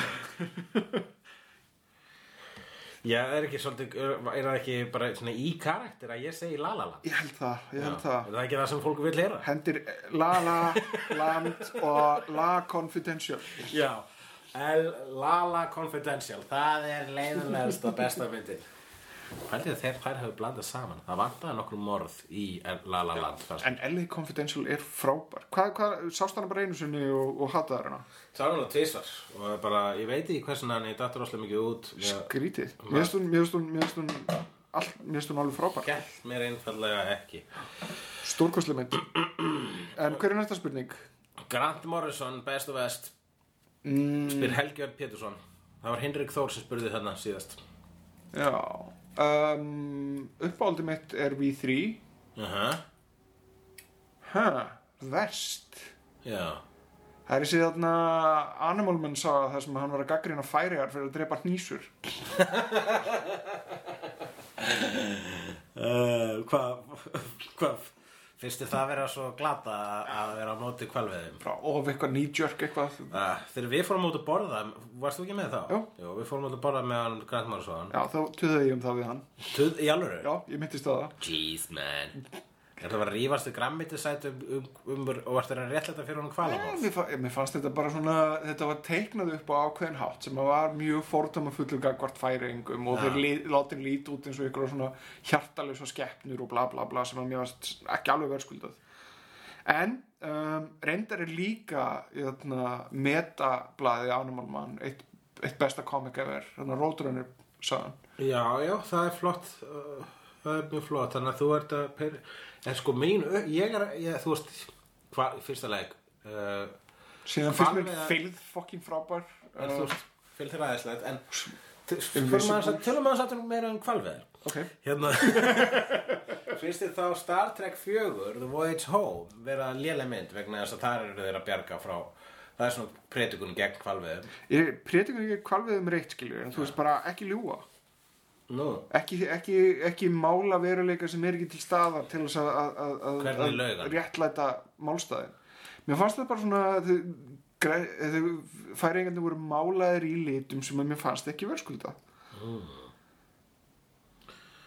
Ok, ég, veistu það ég skal segja hvað mér finnst verst og það er vegna þess að ég náð, bara misti áhugaðan og það er, það er sko, hann hefur nú ekkert farið í félum með það Grant Morrison að hann er miklu meiri DC maður heldur en Marvel maður mm. hann finnst eh, DC míturnar vera mun meira heillandi það er hans, það er hans lið mm. ekki því fullt af þannig fólki en uh, og mér finnst mjög skemmtilegt þetta sem hann skrifaði fyrir uh, Justice League of America mm. nema hvað að þar var það var líka gott dæmi um, um uh, sögur sem er opbúslega leiðilega teiknuð rosalega vel skrifuð mm. að síta aftan Superman í henni já, Uh, en uh, mér fannst eiginlega leiðilegri þegar hann gerði þetta f- 52 the New 52 dæmi. Mm. en það var bara vegna þess að ég held ekki þræði. Það var eiginlega meira minn já, bara svona já þetta var, þetta var meira alveg- bitnað á mér sem Marvel manni og ekki hafa lesið nú mikið af DC um æfina þá var bara einhvern veginn náði ekkert almennilega að tengjast því. Og þess vegna seti það það er alltaf það Grant Morrison stöf sem ég gefur stupp á. Já, mér fannst þetta með þessar stóru event sögur uh, sem að Grant Morrison var með þær voru með svo brjálæðislega mikið intertextuality, þú þurftir að lesa allt saman þrísa sinnum Já. til þess að búa til þráða milli sko. Það er þetta er of mikið ef eitthvað. Já, en svo hefur hann gert svipaða sögur sem eru æðislega eins og til með Seven Soldiers. En uh, ég ætla að segja það New 52 hérna, 52 uh, hefta epíkin. Hún náði mér svo sannarlega ekki. En uh, þá ætla ég bara á, á móti henni ætla ég að vega uh, hina epíkinans sem er Invisibles mm. það er best. Þó að V3 er uh, vissulega algjör tímalaus snild. Hún er bara svo konkrétt, hún er bara svo fullkólega mittluð. En, uh, Ekkert of, ekkert van. og líka er enn en ein animal rights saganan mm, mm, Karl Stefansson nei, Halldór Martinsson fyrst, spyr besta og versta underdogs myndin Um, Bad News Bears. Er besta? Er líklegast til versta, ég veit það ekki. ertu þá að tala um með Ma- Nei, nei. Martin, Ertu að tala um endurgerina Uh, nei, nei, ég er að tala um Morgan með Martin Landá. nei, Nei, hérna ekki Martin Landá heldur, Valdur Mathá maður þá. Hérna, nei, fyrir ekki, uh, það er til alveg nóg af underdogs. Hétt ekki einhver mynd The Replacements Replacement Players með Gene Hackman og Keanu Reeves svona fótboltamynd sem átti að vera svona eins og hérna, Major League nema var með amerískum fótbolta ég man ég sá hana að hún vera glötuð. Um, ok, byrju, ég ætla, ég ætla aðeins að kíkja hérna á lista underdog films. heitur Replacements. Keanu Reeves, Gene Hackman árið 2000 það er versta underdogsmyndin. Mm. svona um ameríska fótbolta og hún er uh, er glötuð. Sástu einhvern tímann í hérna Seabiscuit? Nei, ég var eftir með svona hestamyndir. Hestamyndir og boxaramyndir Það eru myndir sem að ég kalla ekki á nafn mitt. Herðu, ég meina mynd sem að, hérna, er kontroversial Ok, og hún eiginlega ætti að vera þarna í, í versta besta myndin eða ofmetin myndi eitthvað svona sem er skrifuð. Little Miss Sunshine, ég fíla hann ekki. Það er ekki um underdogs, er það? Er það, er það ekki svolítið víðum skilningi underdogmynd? ég, það, Þetta kemur hérna upp til flett upp Underdog er films. það er allir lúsirar henni Já, lú- Og þegar hún er- lúsir er að vinna. og hún er ekki hérna, hún er ekki líklegu kandidat í að vinna þarna fjóðarsamkjöndina Nei, sko, já, það er rétt hjá þér. En, mér finnst Little Miss Sunshine að vera a delightful romp. Mm. Hún er vissulega ekkert æðisleg og, og, og hún er líka einmitt er svona arthouse mynd sem gleymdist. Mm -hmm. En mér finnst það skemmtileg Mér finnst það ógslag fyndi atriðið þarna í lokin þegar þau fatta að þau séu svona fatta hversu fucked up svona barnafegur og sæpkeppnir eru. Uh, látum okkur sjá. Rocky er eina bestu. Já. Það var alltaf ég að segja Rocky 4 uh, Vá, þetta er, þetta er stór sjónri maður. Maður flettaði þessu? Já, ég, ég er ennþá að fletta maður, fletta á þín eigin Kingpin? Já, Kingpin er góða Revenge of the Nerds. Einn skemmtilega hún var, þá var hún horrible í dag. Já, við hefum oft minnst á það að Revenge of the Nerds er uh, pínur reypi Mjög, jafnir Mjög jafnvel. Um, Vá, hver, Karate Kid, er hún ekki? Eða Cool Runnings, er hún ekki hana óalega? uh, hún er ólega Já, uh, það er, þetta er, ég mynd, það er til rosa mikið af svona myndum. Hér er meira þess að 300 sett á listan yfir underdog mynd. ja, Teknilega sé er það underdog, þeir eiga ekki að vinna Já, 300 manns, þeir eru ekkert að segra svona stóran, ha, en síðan er til bara kvikmyndin heitur Underdog, -hmm. sem fjallar um ofurheitju hund. Já, það er örgulega versta Já, segjum það. Eru búin að finna hana Segjum það. Og besta Ég meina Besta underdog myndin Þetta er eitthvað sjánra sem ég spái nú ekki mikið í. En mér fannst Bad News Bears vera mjög skemmtileg. Mm. Ég bara og, og líka hérna League of Their Own Mér finnst þú náttúrulega skemmtileg. Já, já, já, Mjög mikið íþróttamyndir náttúrulega. Kung Fu Panda? Kung Fu Panda, já, sure, sure uh, Happy Gilmore Uh, Happy Gilmore, já, myndir setja, já, algjörlega Þetta er allt íþróttamyndir, erum við bara að tala um íþróttamyndir? Það er oftast nær íþróttamyndir. Síðan er hérna Breakfast Club. Já, en hvernig vinna þau vegna þess að þau læra að vera þau sjálf Eitthvað svo leis. En þau, fjall, þetta fjallar náttúrulega bara um, þú veist, Þá ætla ég að segja hérna, uh, 8 Mile Eight Mile. Já, Gott. mér er svo skemmtileg Hún er skemmtileg. Ok, Ég held að ég... Ó, blu, blu, blu, blu, blu. Ne... Ah. The Goon. The Goon Já. Já, Það er vannmyndin minn sem er mjög veist að fólk hætti að Ég horfa ætla að sjá hann aftur, hann er rosa sjálfmennandi í henni hann eh, Sean William Scott á. Stifler. Já, sagði ég nefna þess rétt Já. Gott uh, Karl Stefansson spyr Best Aftur Karl Nei, ég sagði óvart nafnið hans áðan uh, en þá var hoppaði yfir Halldór Martinsson Ok. en núna er ég búinn að hoppa yfir Halldór Martinsson og kem vík mér að Karli Stefánssoni mm Mhm. -hmm. uh, sem bara spyr Best og best, Guillermo del Toro Hmm. Best, ég held Mér finnst Pans Labyrinth best Ég Mér finnst Devil's Backbone best. Já, Pans Labyrinth er með flottari skrýmslu Ok, en mér finnst Devil's Backbone betri kvikmynd. Já, en Pans Labyrinth uh... Ok, vest þá Uh, það hlýtur að vera... Ertu búin að sjá hérna, Crimson hana myndina? Nefnilega ekki Ekki heldur. En hún bara, ég er svo hrættur að mér finnust hún léleg Já. Síðan er að hérna, er Hellboy tvö góð? Já, Hellboy 2 er betur en eitt Hún er það. Hvað eru við þá með eftir? Kronos. Krón er góð, það er ekki svo mikið slæmt sem hann hefur gert Ég meina það hlýtur bara að vera Crimson Peak Við höfum hvorið síðana mm -hmm. Ef að gíska bara að hún sé vest Er það okkur svona unprofessional opinion Já. Það er svo mynd sem, við höfum, sem, hún he, sem hann hefur ekki gert er versta mynd sem að... Þú veist að del Toro er að followa mig á Twitter Aha, Já, og hann á bók eftir mig really? Yep.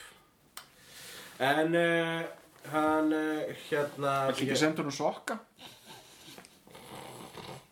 Ég segi að Hefur mást sástu myndir Mimic Já, herðu, hún er hún er örgulega vestamyndina sem hún er ekki leiðileg Hún er ekkert slæm Það er með þess að börn deginni Þegar skrýnsli í þetta börn Það bara, wow, ó, þetta er svona Svona mynd og þetta, Svo þetta er skemmtilegt koncept skilur að, hérna, að pötturna líti út eins og gaur í, í ríkfrakka Já, herðu, hérna Blade 2 Blade 2 er mjög skemmtileg. Hún er eiginlega skemmtilega samt þegar maður hérna, horfir á hana með uh, directors commentary.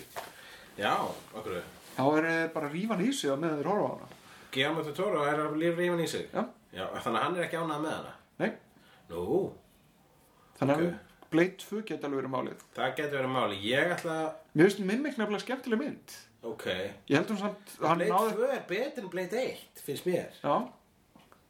Það er náttúrulega bara vegna þess að Dilto, já, Já, æja og óó Veistu hvað ég ætla að gerast? Uh, Þetta er erfitt val. Ok. En ég ætla að gerast uh, Svo Já Leiðilegur að segja að Hellboy 1 Hellboy 1 sé versta myndina del Toro.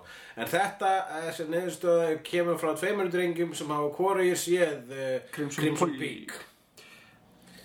Hvernig heldur það að þessari hobbitamyndir hefðu orðið hefðu hann látið það, gerast? Það er alveg jafnleðileg heldur það? Já, ég held það. Já, heldur það. En það er samt ekki, ég meina hann svolítið endur hugsaði allt saman og endur strukturaði hann Peter Jackson þegar hann tók við uh, völdunum og jötna, og Guillermo del Toro hefði líka talað sérstaklega um það að hann hefði loksins krakkað það hvernig að gera flottan drega Já, mér finnst ekki nóg fín Já. Mér fannst hann eiginlega svolítið æðislegur. Núna langar mér svolítið að sjá Hellboy 2 aftur. Nú langar mér svolítið að horfa allt hobbit aftur.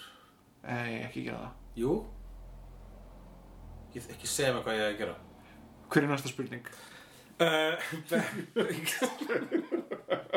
Dæmillega ég, ætlaði ekki að hlæja þarna Það hefur miklu fimmar ef við ekki hlæja þarna um, e, Hún Inga Ásta Bjarnadóttir spyr Best og verst úr ykkur einn lífi anskotin hafið það. Ha? uh, Við höfum að gerast persónulegir nú. Já Best og verst, ætlum við að, að fara að tala um það sem er verst. Það versta sem hefur komið fyrir okkur. Það ætlum allir bara að tala um það. uh, Nei. Já. Eh, Ég veit ekki, þú ert búin að vera að gera nóað í, í, í Australia Já, en ég tala ekki, ég tala ekki um það versta, ég tala kannski um það vandræðalast að koma fyrir, fyrir mig þá vikuna. Og ég er bara orðin svolítið lélegur í því vegna þess að ég er hættur að taka eftir vandræðalegu hlutum. Ég held eitt af versta sem að kom fyrir mig uh, var þegar að ég, ég var að fara á Ash tónleikana og drakk tequila í fyrsta skipti og ég tók ég fekk mér tíu skot og ég er sitjandi og þetta var einhverjum 45 mínútum eitthvað Þú svona fórst á astóleikana. Nei, No. ég Ok. stóð upp eftir að hafa tekið ógæslega mikið tequila og síðan var ég bara blackouti Já, já, og ég komst aldrei á tónleikana Jú, það var svipað þegar ég fór á, hérna, drakk svo mikið að ég komst ekki á eitthvað ball í Kvennó. Já. Þetta er ekki það versta sem hefur komið fyrir mig Ég, ég, held, að, ég, held, að, ég held að við látum þetta samt duga Já, ok. Já, versta úr mínu lífi. Það er, þetta er hug margt slæmt í mínu lífi. Mm. En ekki ætla ég að segja það hér. Því það myndi bara skapa undarlega stemningu. Mm -hmm. Sumt, er bara ekki einu svona hægt að tjóka með. Sumt er svo dark, svo slæmt, að það er ekki hægt að breyta því brandara. Ekki einu svona professional grínarar eins og ég.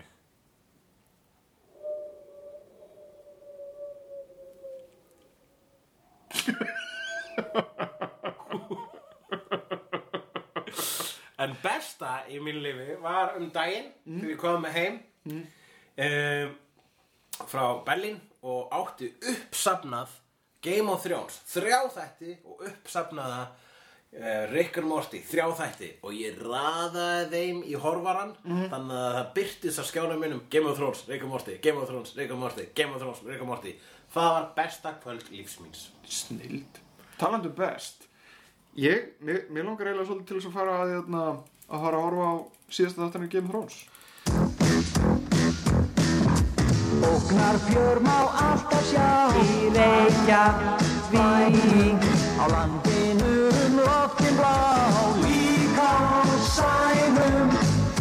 Hættur og háski Látur og gáski Hefnendur Í Reykjavík Hefnendur Í þess Hefnendur